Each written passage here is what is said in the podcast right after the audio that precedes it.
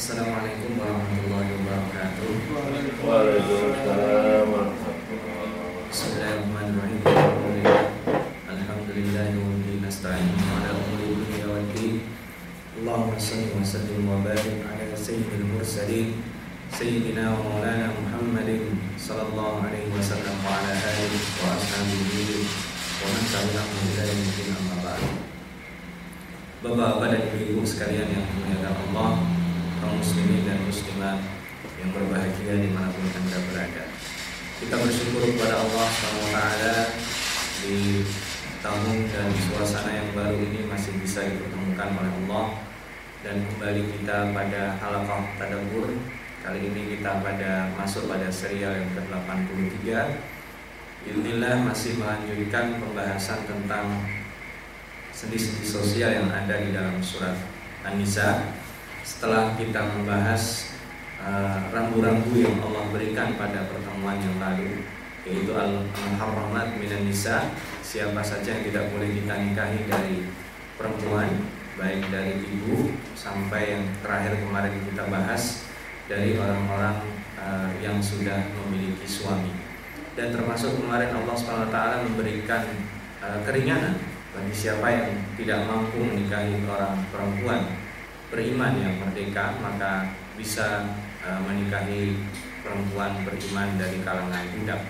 Nah, Allah Subhanahu wa taala pada hakikatnya memiliki rukhsah, memiliki keringanan tersebut apa kalau dalam bahasa manusia motivasi, tetapi dalam bahasa Allah Subhanahu wa taala Allah tidak memiliki motivasi karena lain. Allah Subhanahu wa taala uh, memiliki rahmat dan memiliki keinginan yang sangat-sangat universal. Nah, keinginan tersebut ada di awal ayat 27 nanti kita akan membahas sampai konsekuensi apa yang uh, diberikan kepada kita dan aturan-aturan uh, apa saja. Bismillah kita akan terjadi pada ayat ini pada pertemuan kali ini. Muslimin dan muslimat yang dimuliakan Allah, di ayat 27 Allah Subhanahu wa taala berfirman, "A'udzu billahi minasyaitonir rajim. Wallahu yuridu an yatuba 'alaikum yuridu alladziina yattabi'una asy-syahawati an tamilu mailan 'azima." Allah Subhanahu wa taala menginginkan ayatuba 'alaikum bahwa keinginan sesungguhnya adalah ketika kita kembali kepada Allah. Sementara orang-orang yang memperturutkan hawa nafsunya Mereka menginginkan kita semakin terperosok Mailan azimah Jadi antamilu mailan azimah Kalau dalam hidup setiap manusia Itu memiliki track Atau memiliki goal Tujuan yang utama. Allah subhanahu wa ta'ala pada saat kita membelok sedikit Allah menginginkan kita kembali pada track dan tujuan utama kita. Tetapi orang-orang yang memperturutkan hawa nafsu Orang-orang yang mengikuti hawa nafsunya Mereka menginginkan supaya kita semakin menjauh dari track Menjauh dari orbit tujuan utama kita Ini kemarin kita sudah membahas Di akhir pertemuan kita Yang Allah inginkan adalah memberikan petunjuk Memberikan, memberitakan contoh-contoh Sunnah-sunnah yang baik bagi orang-orang sebelum kita Dan orang-orang yang tidak baik Allah pisahkan supaya kita tidak melakukan itu. Nah, taubat ini esensinya yang sudah sering berkali-kali kita bahas juga dalam kesempatan Allah menceritakan tentang kesalahan, Allah selalu membuka pintu taubat. Maka sebenarnya Allah Subhanahu wa taala dalam kondisi apa pun sudah siap menerima taubat hambanya karena itulah biasanya di dalam ayat-ayat yang membicarakan taubat itu selalu diakhiri dengan ghafurur rahim atau kalau dalam konteksnya surat An-Nisa sering disebut innallaha kana ghafurur rahima ghafurur rahima kana ghafurur rahima itu senantiasa bersifat maha pengampun sebesar apa pun dosa itu di mana pun dilakukan oleh siapa pun seperti apa bentuknya ghafuran rahimah dan Allah akan semakin penyayang pada orang-orang yang bertaubat. Nah, itu keinginan utama Allah. Maka bahasanya selalu di sini dalam uh, bentuk fi'il mudhari yuridu ayyatuba alaikum Allah SWT selalu dan senantiasa menginginkan supaya kita kembali kepadanya, bertaubat kepadanya, berbeda dengan orang-orang yang yattabi'una syahawat. Di sini bahasa yang dipakai ittiba'u syahawat. Syahawat sangat besar. Kalau di dalam bahasa yang kita kontekstualnya, syahawat di sini kalau dibicarakan secara sempit berarti berkenaan dengan e, pernikahan dan hal-hal yang berkaitan dengan perempuan. Maka di dalam buku-buku tafsir alladzina alladzina yattaquna syahwat di sini adalah orang-orang yang menginginkan terjadinya perzinahan. Orang-orang yang menginginkan terjadinya e, ketidakmapanan sosial. Orang-orang yang e, bahwa pernikahan itu bukan sesuatu yang sakral. Nah, itu yang disebut dengan yattaquna syahwat bermakna sempit dalam ayat ini. Tapi sebenarnya ini berlaku untuk lebih besar dari itu. Karena al-ibrah di umum lafaz. Uh, ibrahnya itu uh, yang kita ambil adalah dengan keumuman kata-kata yang Allah berikan di sini. Jadi bukan hanya berlaku untuk perzinahan dan hal-hal yang berkenaan dengan hubungan laki-laki dan perempuan. Pada ayat selanjutnya Allah Subhanahu wa taala memperkuat yuridullahu an Wa. Allah yang pertama menginginkan kita bertaubat, yang kedua Allah inginkan selalu menginginkan yang ringan dari kita. Allah tidak pernah memperberat kita. Maka sebenarnya salah kalau kita pahami dalam beragama itu yang makin berat dia makin bagus. Jadi kita membayangkan kalau kita melakukan sesuatu yang beragama itu ringan, itu kalah kualitasnya dengan mereka yang melakukan sesuatu dengan berat. Salah. Jadi kalau ada pedoman selama bisa dipersulit, kenapa dipermudah? Nah itu salah. Kalau kita melakukan, makanya kalau kita sedang dalam keadaan dalam perjalanan atau dalam keadaan uh, uh, yang di sana Allah berikan rusak, maka rusak itu sebagian besar para ulama lebih utama kita kita ambil. Kita musafir misalnya. Mana yang lebih afdal? Salatnya tetap seperti semula. Salat duhur 4, salat asar 4 atau kita melakukan uh, al-jam dan qasar. Kalau madhabnya madhab syafi'i ya.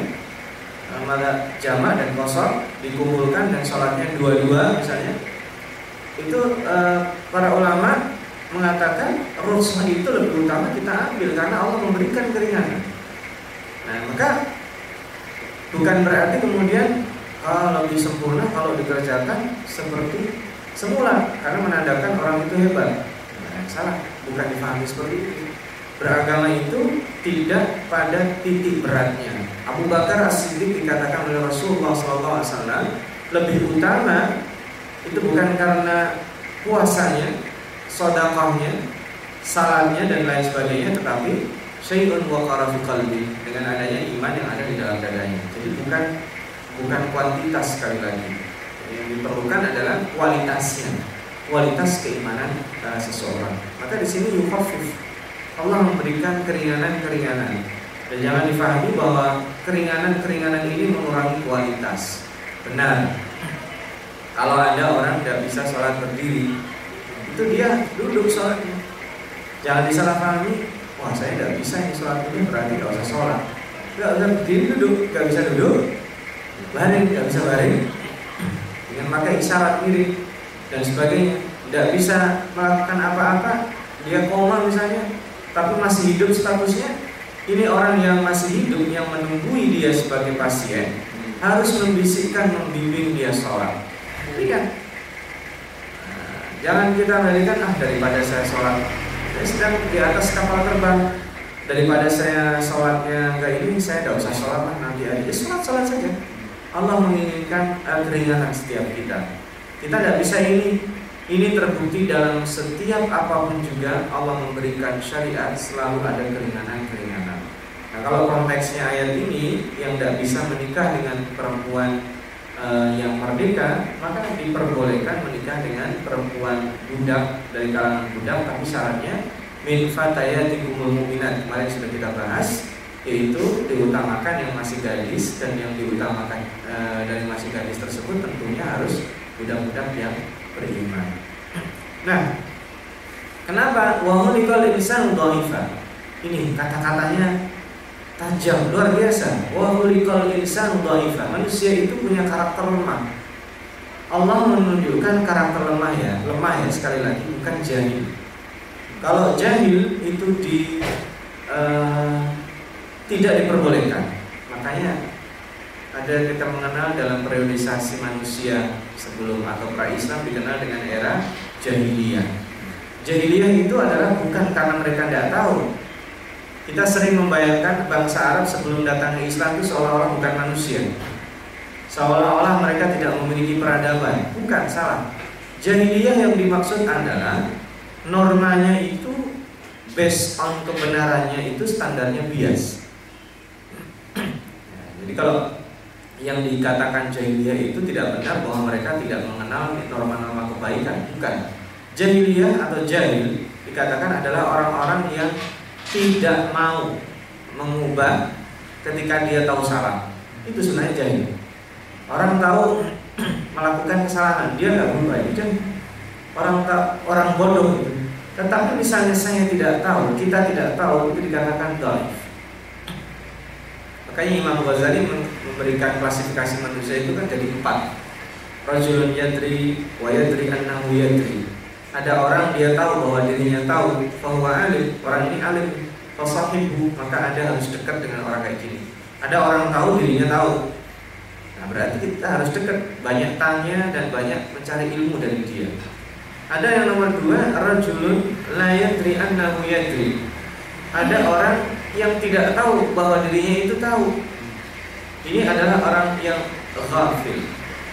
Orang yang lalai, orang yang tidur. Fauqitu harus dibangunin ini orang. Dia sebenarnya tahu, tetapi karena sibuk, karena dia punya rendah diri, maka dia lalai. Maka harus dibangunkan orang ini punya potensi kebaikan. Maka ini orang harus juga kita dekati. Yang ketiga, rajulun yadri annahu la yadri.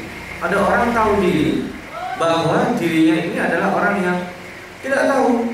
Fahuwa maka orang ini adalah orang yang dhaif, orang yang lemah. Nah, orang yang seperti ini harus diapakan? Harus kita ajari, harus kita bimbing. Satu, dua, tiga masih mending Yang paling buruk itu yang keempat Rajulun la yadri wa la yadri la yadri Ada orang tidak tahu Kalau dirinya itu adalah orang yang tidak tahu Nah, bahwa jahil. Ini adalah orang yang jahil. Orang tidak tahu kalau dirinya tidak tahu berarti tidak tahu diri. Nah, maka orang seperti ini harus dan minhu. Kita harus jauhi orang yang, yang karakternya adalah karakter nomor empat. Nah, maka ketika manusia diciptakan uh, sebagai makhluk yang lemah, bukan berarti penuh dengan kekurangan, bukan. Manusia memiliki karakteristik, manusia memiliki kelebihan uh, baik di antara satu maupun di antara yang lain. Sampai di sini sebenarnya ini adalah sambungan ayat yang kemarin. Allah membuka tema baru. Ya ayyuhalladzina amanu la ta'kulu amwalakum bainakum bil batil illa takuna tijaratan an taradin minkum wa la taqtulu anfusakum innallaha kana bikum rahim. Wahai orang yang beriman, Janganlah kalian memakan harta kalian atau harta di antara kalian dengan batil kecuali dengan cara perdagangan perniagaan yang basisnya adalah saling ridho. Ini juga luar biasa pilihan kata Al-Qur'an. La takulu amwalakum bainakum. Berarti kan uh, ini sisi yang terjadi adalah dua muamalah kan berarti. Jangan kalian saling memakan kalau bahasa gampangnya sih saling memakan itu membiarkan berarti kalau kita tahu saling memakan. Misalnya di depan kita ada orang saling pukul memukul itu kalau kita diam kita sama dengan ridho. Jadi kalau ar-ridho bil jarimah kafailiha orang yang ridho dengan kejahatan itu berarti seperti yang melakukan. Pembiaran. Ya dibiarkan. Ya. jadi kalau di depan kita ada orang kita tahu melakukan praktek e, di sini ya memakan harta dengan haram bahasanya kita diamkan ya kita sama dengan itu atau kita ikut terlibat. Ah yang penting saya dosanya dikit aja. Oh tidak bisa. Sama kita ikut terlibat. Kecuali memang kondisinya terpaksa. Beda halnya ya. Kalau kalau kita ridho ridho bil maksiat ya ridho dengan maksiat ya seperti dengan orang yang melakukannya. Nah maka di sini luar biasa kata-katanya la takulu amwalakum bainakum bil batil illa kecuali antakuna tijaratan harusnya cukup. Kecuali dihasilkan dari perniagaan. Tapi Allah tidak menginginkan salah paham kita. Maka perlu dikunci dengan penjelasan antara minkum.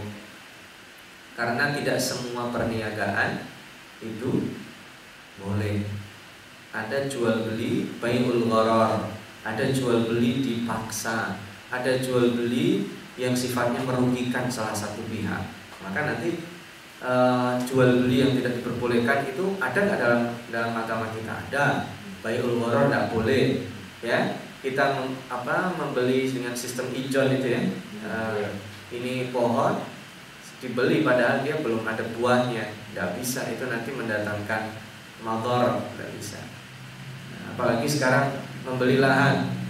Hutannya belum dibakar oh, kacau juga itu kan. Nah ini yang terjadi. Jadi ada secara uh, implisit atau eksplisit juga di sini bahwa ada dua hal di sini. Wala taqulu amwalakum bainakum bil batil. Itu uh, mencakup semua. Perjudian riba penipuan ya. Sistem apa saja yang melahirkan kebatilan dilarang.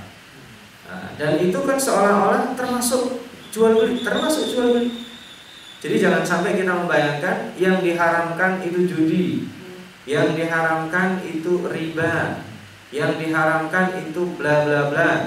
Oh kalau gitu kalau covernya jual beli tidak apa-apa. Saya mengambil untung segede-gedenya menindas orang yang yang uh, tidak tahu jual beli uh, dengan menipu misalnya dan itu banyak yang terjadi tidak apa-apa.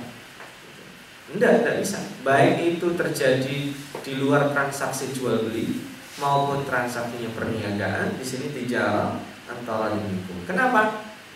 Karena sebenarnya kalau uh, yang terkonfirmasi ini adalah perkataan Imam Abu Hanifah ada memang Rasulullah SAW disinyalir uh, berkata demikian tapi kualitas hadisnya Al-Fakir belum sempat uh, mentahkiknya bahwa pintu rizki itu adalah uh, 9 dari 10 adalah dari aktivitas perniagaan dan hanya satu yang uh, selain perniagaan baik itu jasa melalui peternakan kalau di situ beberapa penafsiran yang ada dari peternakan atau kalau secara umum Imam Abu mengatakan dari jasa. Jadi 9 dari 10 pintu rezeki itu dihasilkan dari transaksi perniagaan. Uh, kamu punya apa saya ambil. Nah itu jual beli aktivitasnya. Nah yang menarik adalah lanjutannya wala taqtulu anfusakum. Kalau kita ngambil terjemah itu terjemahnya adalah dan janganlah kalian membunuh diri kalian. Ya itu ya terjemahnya ya. Padahal sebenarnya yang dimaksud bukan itu. Wala taqtulu anfusakum janganlah kalian saling membunuh. Nah ini yang luar biasa ya. Kalau tadi kenapa tidak dikatakan wala taqtulu amwalakum bainakum bil batil di sini wala taqtulu bainakum ya. Jangan kalian uh, saling membunuh di antara kalian. Kenapa di sini wala taqtulu anfusakum? Karena karena umat Islam atau uh, kaum beriman itu dianggap satu tubuh. Innamal mu'minuna ikhwah. Kalau dia membunuh saudaranya yang beriman itu sama dengan membunuh dirinya sendiri.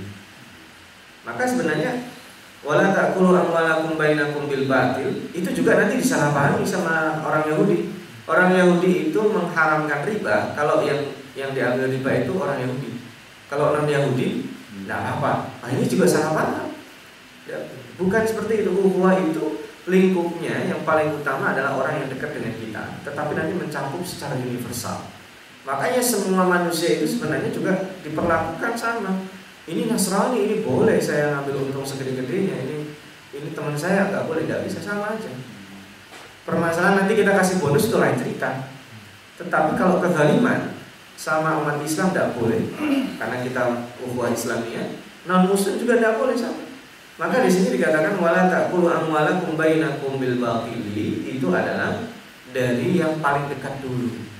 Nah, kalau sama saudaranya sendiri dikemplang apalagi sama orang lain. Itu disebut dengan kalau dalam istilah uh, uh, usul atau istilah kebahasaan itu adalah pengharaman dan bil mubalaghah. Kayak misalnya wala taqrabuz zina. Jangan mendekati zina. Oh, berarti berzina boleh dong, yang tidak boleh mendekati zina. Wah itu orang tidak paham berarti. Kalau Allah mengatakan jangan berbuat zina, itu yang mendekati zina tidak apa-apa. Berarti di mana zina itu diharamkan apa banyak berduaan, ya, berciuman, berpegangan yang bukan dengan yang halal itu sudah termasuk haram. Walau taqrabu zina, apalagi zinanya. Nah ini maka kalau sesama maka di sini wala taqulu amwalakum bainakum ayuhal mu'minun. Ya ayyuhalladzina amanu kan. Kalau itu dilakukan maka gimana sama yang lain lebih parah lagi. Maka di sini kalau konteksnya wala taqtulu anfusakum kembali kepada nidanya tadi. Ya ayyuhalladzina amanu. Luar biasa Al-Qur'annya. Wahai kita dianggap satu saudara. Jadi siapa yang membunuh saudaranya sama dengan membunuh dirinya. Nah kalau dia membunuh dirinya sendiri ya ini sudah masuk secara secara tekstual tekstual dan kontekstualnya dua-duanya dapat. Wala taqtulu anfusakum kalau kita frustasi bunuh diri sendiri boleh Ustaz. Ya tidak boleh ini secara tekstual ada larangannya. Nah, wah nanti di ayat lain dikatakan wala tulku baidikum ilan tahluka. Jangan uh, membunuh diri kalian atau menyebabkan diri sendiri ini berada dalam kesulitan secara sengaja itu tidak boleh. Maka apalagi membunuh orang yang uh, ada kaitannya dengan diri kita.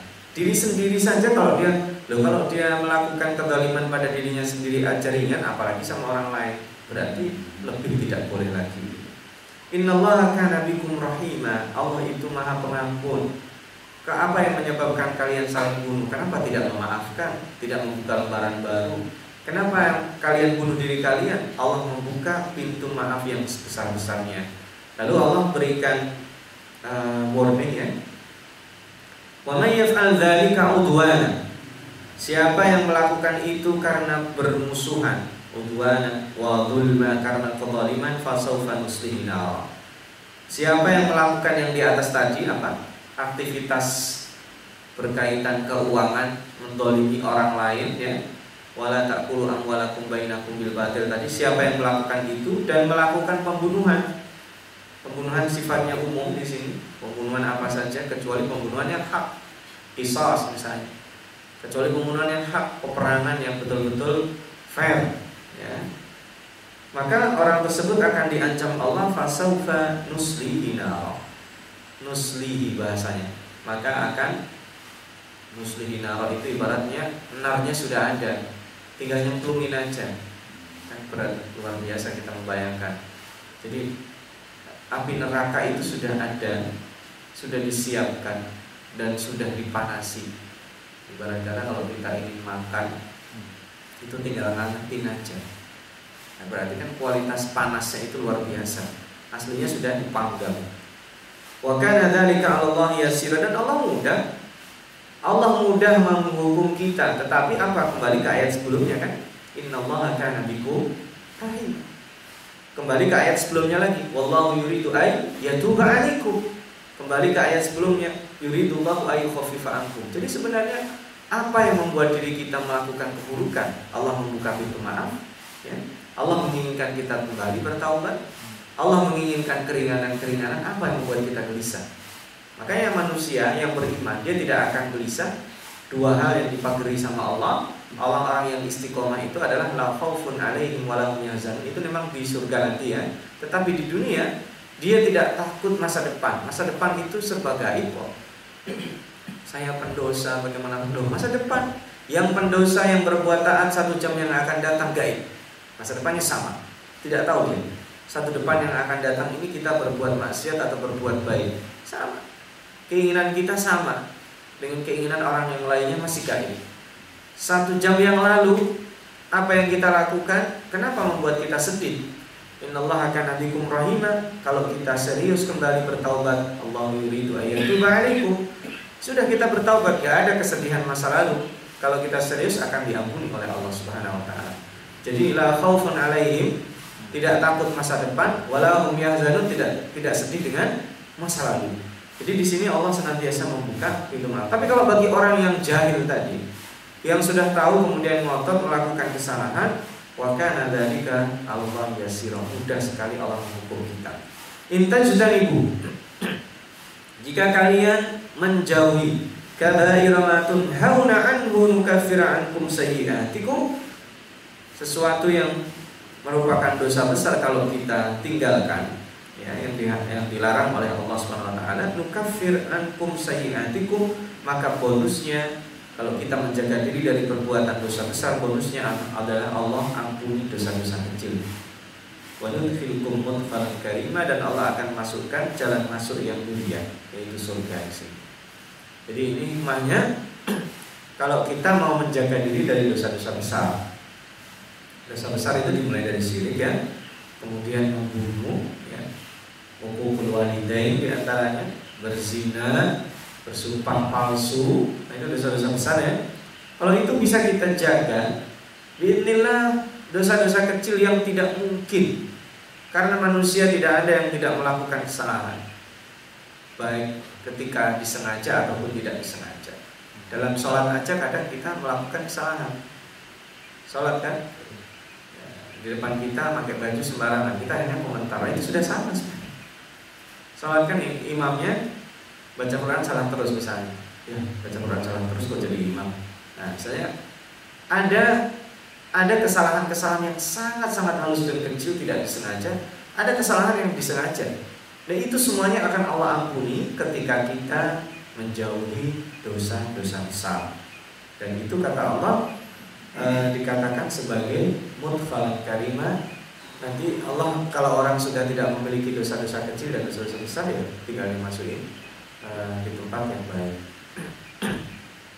Nah di sini Allah menghubungkan dengan konteks yang pernah dibahas kembali ke konteks ekonomi ayat 32 dan 33 ini kembali kepada pembahasan ekonomi. Kalau tadi membahas tentang uh, kelanjutannya pernikahan, kemudian secara umum larangan uh, apa ya berinteraksi ekonomi dan membunuh.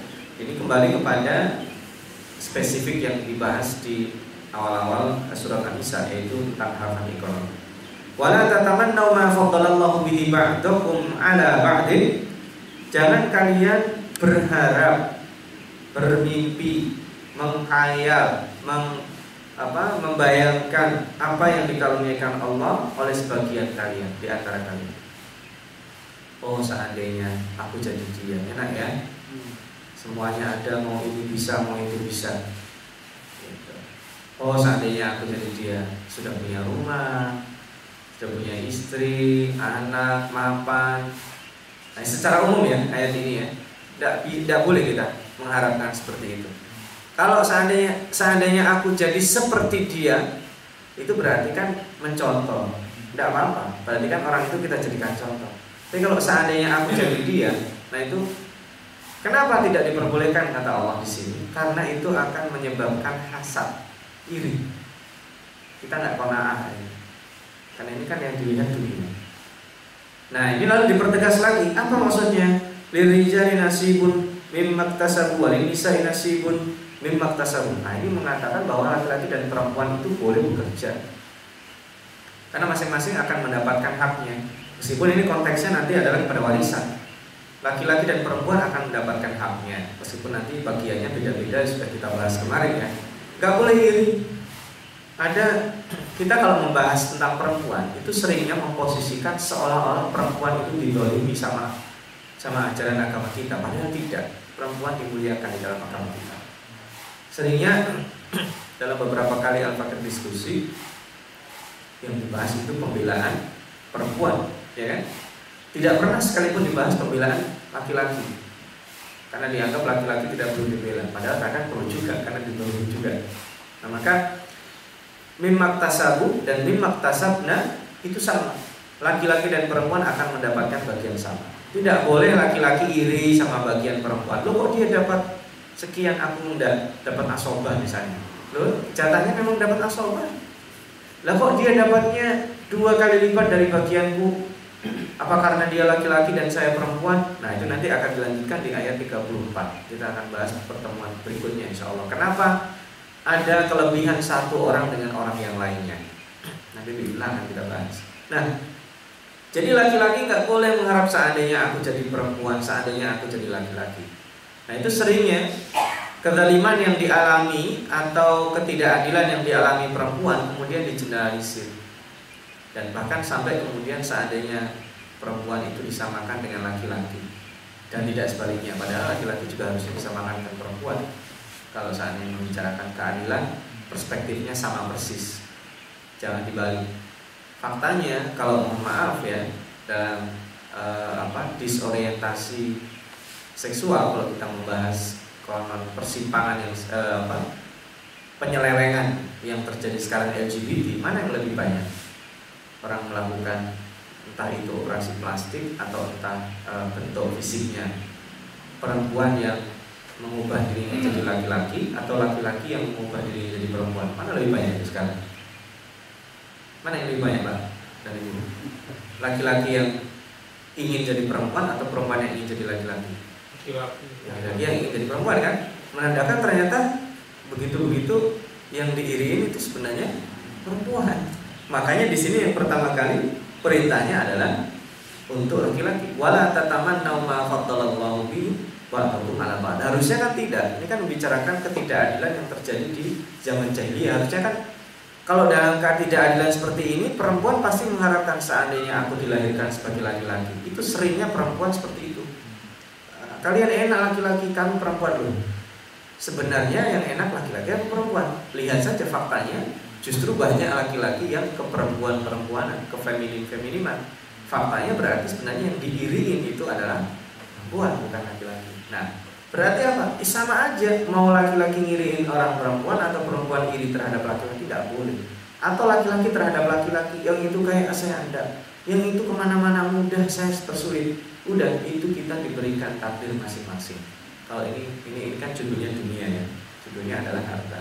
Maka kalau kita mengharapkan kemuliaan, was'alullaha min fadli maka yang kita harapkan adalah Allah. Inna Allah akan bi kulli syai'in alim. Allah Maha tahu. Nanti di ayat lain itu ada aliman hakiman kalau membicarakan harta. Karena apa? Tidak semua orang kok cocok dia jadi orang kaya. Ada orang yang dia akan beribadah kalau dia miskin, kayak korun. Korun sebelum kaya dia dekat sama Allah. Begitu kaya jauh dia dari Allah. Berarti ketika kita dimiskinkan terus, siapa tahu kalau kita kaya keluar orbit ketaatan. Sebaliknya juga ada orang kalau dia miskin dia menjauhi Allah, akhirnya diposisikan dia tetap dalam kondisi kaya. Nah, maka kita sifat-sifat orang yang berbeda itu Allah Maha tahu. Ini mau dekat sama Allah kalau kaya, ini dekat sama Allah kalau miskin. Nah, meskipun tidak boleh kita, ya Allah saya ingin dekat sama sama kamu, tapi kayakan aku dulu. Allah yang Maha tahu. Kaya dan miskin kita, Allah yang Maha tahu. Maka kita jangan sok tahu. Nah yang terakhir walikullin ja'alna mawaliya mimma tarakal walidani wal aqrabun Waladina aqadat aymanukum fa'atuhum nasibahum innallaha kana ala kulli syai'in syahida. Ini membahas tentang warisan. Setiap orang ja'alna mawaliya. Mawali itu bahasa modernnya orang yang loyal. Nah, ini, ini, ini cakupannya sangat besar ya. Karena kalau mawali di zaman jahiliyah dengan sekarang beda. Di zaman jahiliyah itu sampai orang bersumpah kok membela, tidak ada hubungan darah. Bisa mewarisi. Tidak ada hubungan darah, bisa uh, dia mendapatkan bagian harta yang dia punya. Nah, tapi di sini dikatakan mimma tarokal walidani wal aqrabun berarti mawaliya ini di sini yang disebut adalah ahli warisnya. Anaknya, keturunannya itu mendapatkan bagian yang ditinggal uh, orang tuanya dan kerabatnya. Ini yang disebut dengan warisan. Yang kedua, waladina aqadat aimanukum fa'atuhum nasibahum ini zaman jahiliyah itu orang yang dekat setia dengan dia. Mawalia yang kedua itu adalah uh, kalau tadi yang jenis pertama mawalia itu adalah ahli waris. Yang kedua waladina aqadat aimanukum itu orang yang uh, setia yang tidak ada hubungan darahnya. Nanti kalau kalau saya mati kamu tak tak kasihlah setengah harta saya komitmen tapi begitu meninggal tidak bisa dikasih setengah tapi tetap harus dikasih ya sama dengan demikian ini bapak kita meninggal, ayo saudara-saudara jauh datang ke rumah, datangin semuanya. Faktanya nanti yang dapat warisan kan tidak semua. Yang sudah dari datang jauh-jauh, begitu datang dibagi-bagi, ya mbak kita masa tega. Udah ya, kamu mahjub loh, tidak dapat warisan. Nah ini terima aja nasib kamu. Anda dapat sekian, habis itu udah dibagi. Yang itu yang tadi datang jauh-jauh nggak kita kasih apa-apa, tidak boleh. Berikan, kasih mereka yang dulu sudah ada komitmen orang tua kita ngasih dia kasih makanya dalam harta itu selalu ada tiga yang dia dibagikan dalam kondisi hidup dilaksanakan dalam kondisi hidup disebut dengan hibah itu lebih longgar yang dia dibagikan pada saat hidup dilaksanakan setelah mati disebut dengan wasiat kalau warisan dibagi ditentukan dan dilaksanakan setelah mati jadi kalau kita tahu klasifikasinya enak ini apa nih hibah ya sudah tapi harus ada buktinya bahwa Anda itu diberikan hibah oleh orang tua saya. Mana buktinya? Kalau bisa membuktikan itu hibah, ya silakan. Mana buktinya bahwa orang tua saya itu memberikan wasiat? Memberikan wasiat kan sebelum mati. Setelah mati dilaksanakan, ya. Mana buktinya Anda mendapatkan warisan? Kalau saya anaknya, ya pasti dapat warisan. Saya kerabatnya dapat warisan, meskipun judulnya asoba, apa. Tetap judulnya dapat warisan. Nah orang-orang yang di luar orbit itu ada juga yang dapat bagian dari harta. Judulnya apa? Orang-orang yang setia. Zaman dulu itu kesetiaan itu luar biasa. Nah, itu ya. Inna Allah akan ala kulli syai'in syahidan dan Allah adalah zat yang menyaksikan apa yang dikatakan oleh dalam sumpah kalian. Jadi Allah Maha tahu, tapi meskipun demikian, sumpah atau loyalitas yang diberikan kesetiaan itu tetap kalau zaman sekarang memerlukan hitam di atas putih karena ini masalah harta maka buktinya juga ada kayak kita punya tanah buktinya mana ada bisa kata orang tua kita buktinya biasanya sertifikat. Kalau kita tidak bisa menunjukkan biasanya tanah itu di, dianggap direkam ini bapak-bapak dan ibu sekalian kaum muslimin dan muslimat di mana pun anda berada kita kelihatannya sedang membahas surat judulnya surat An-Nisa. Tetapi lihat pembahasannya sangat-sangat luar biasa eh, dahsyat dan mengatur dari bukan sekedar pernikahan, bukan sekedar uh, kedaliman yang dialami, ketidakadilan yang dialami perempuan, tapi di sini ada hukum-hukum ekonomi ya, peraturan-peraturan sosial yang yang harus kita patuhi, baik yang bentuknya fisik ataupun tadi ya, Allah memberikan benteng supaya kita nggak jatuh pada uh, dosa hasad. Ini yang bisa Fadil sampaikan sementara. Allah alam nanti bisa kita lanjutkan dalam dialog kurang lebih mohon maaf. Qul qawli hadza ja'alna Allah iyyakum minal ladzina yastami'una al-qawla fayattabi'una ahsana. Wassalamualaikum warahmatullahi wabarakatuh.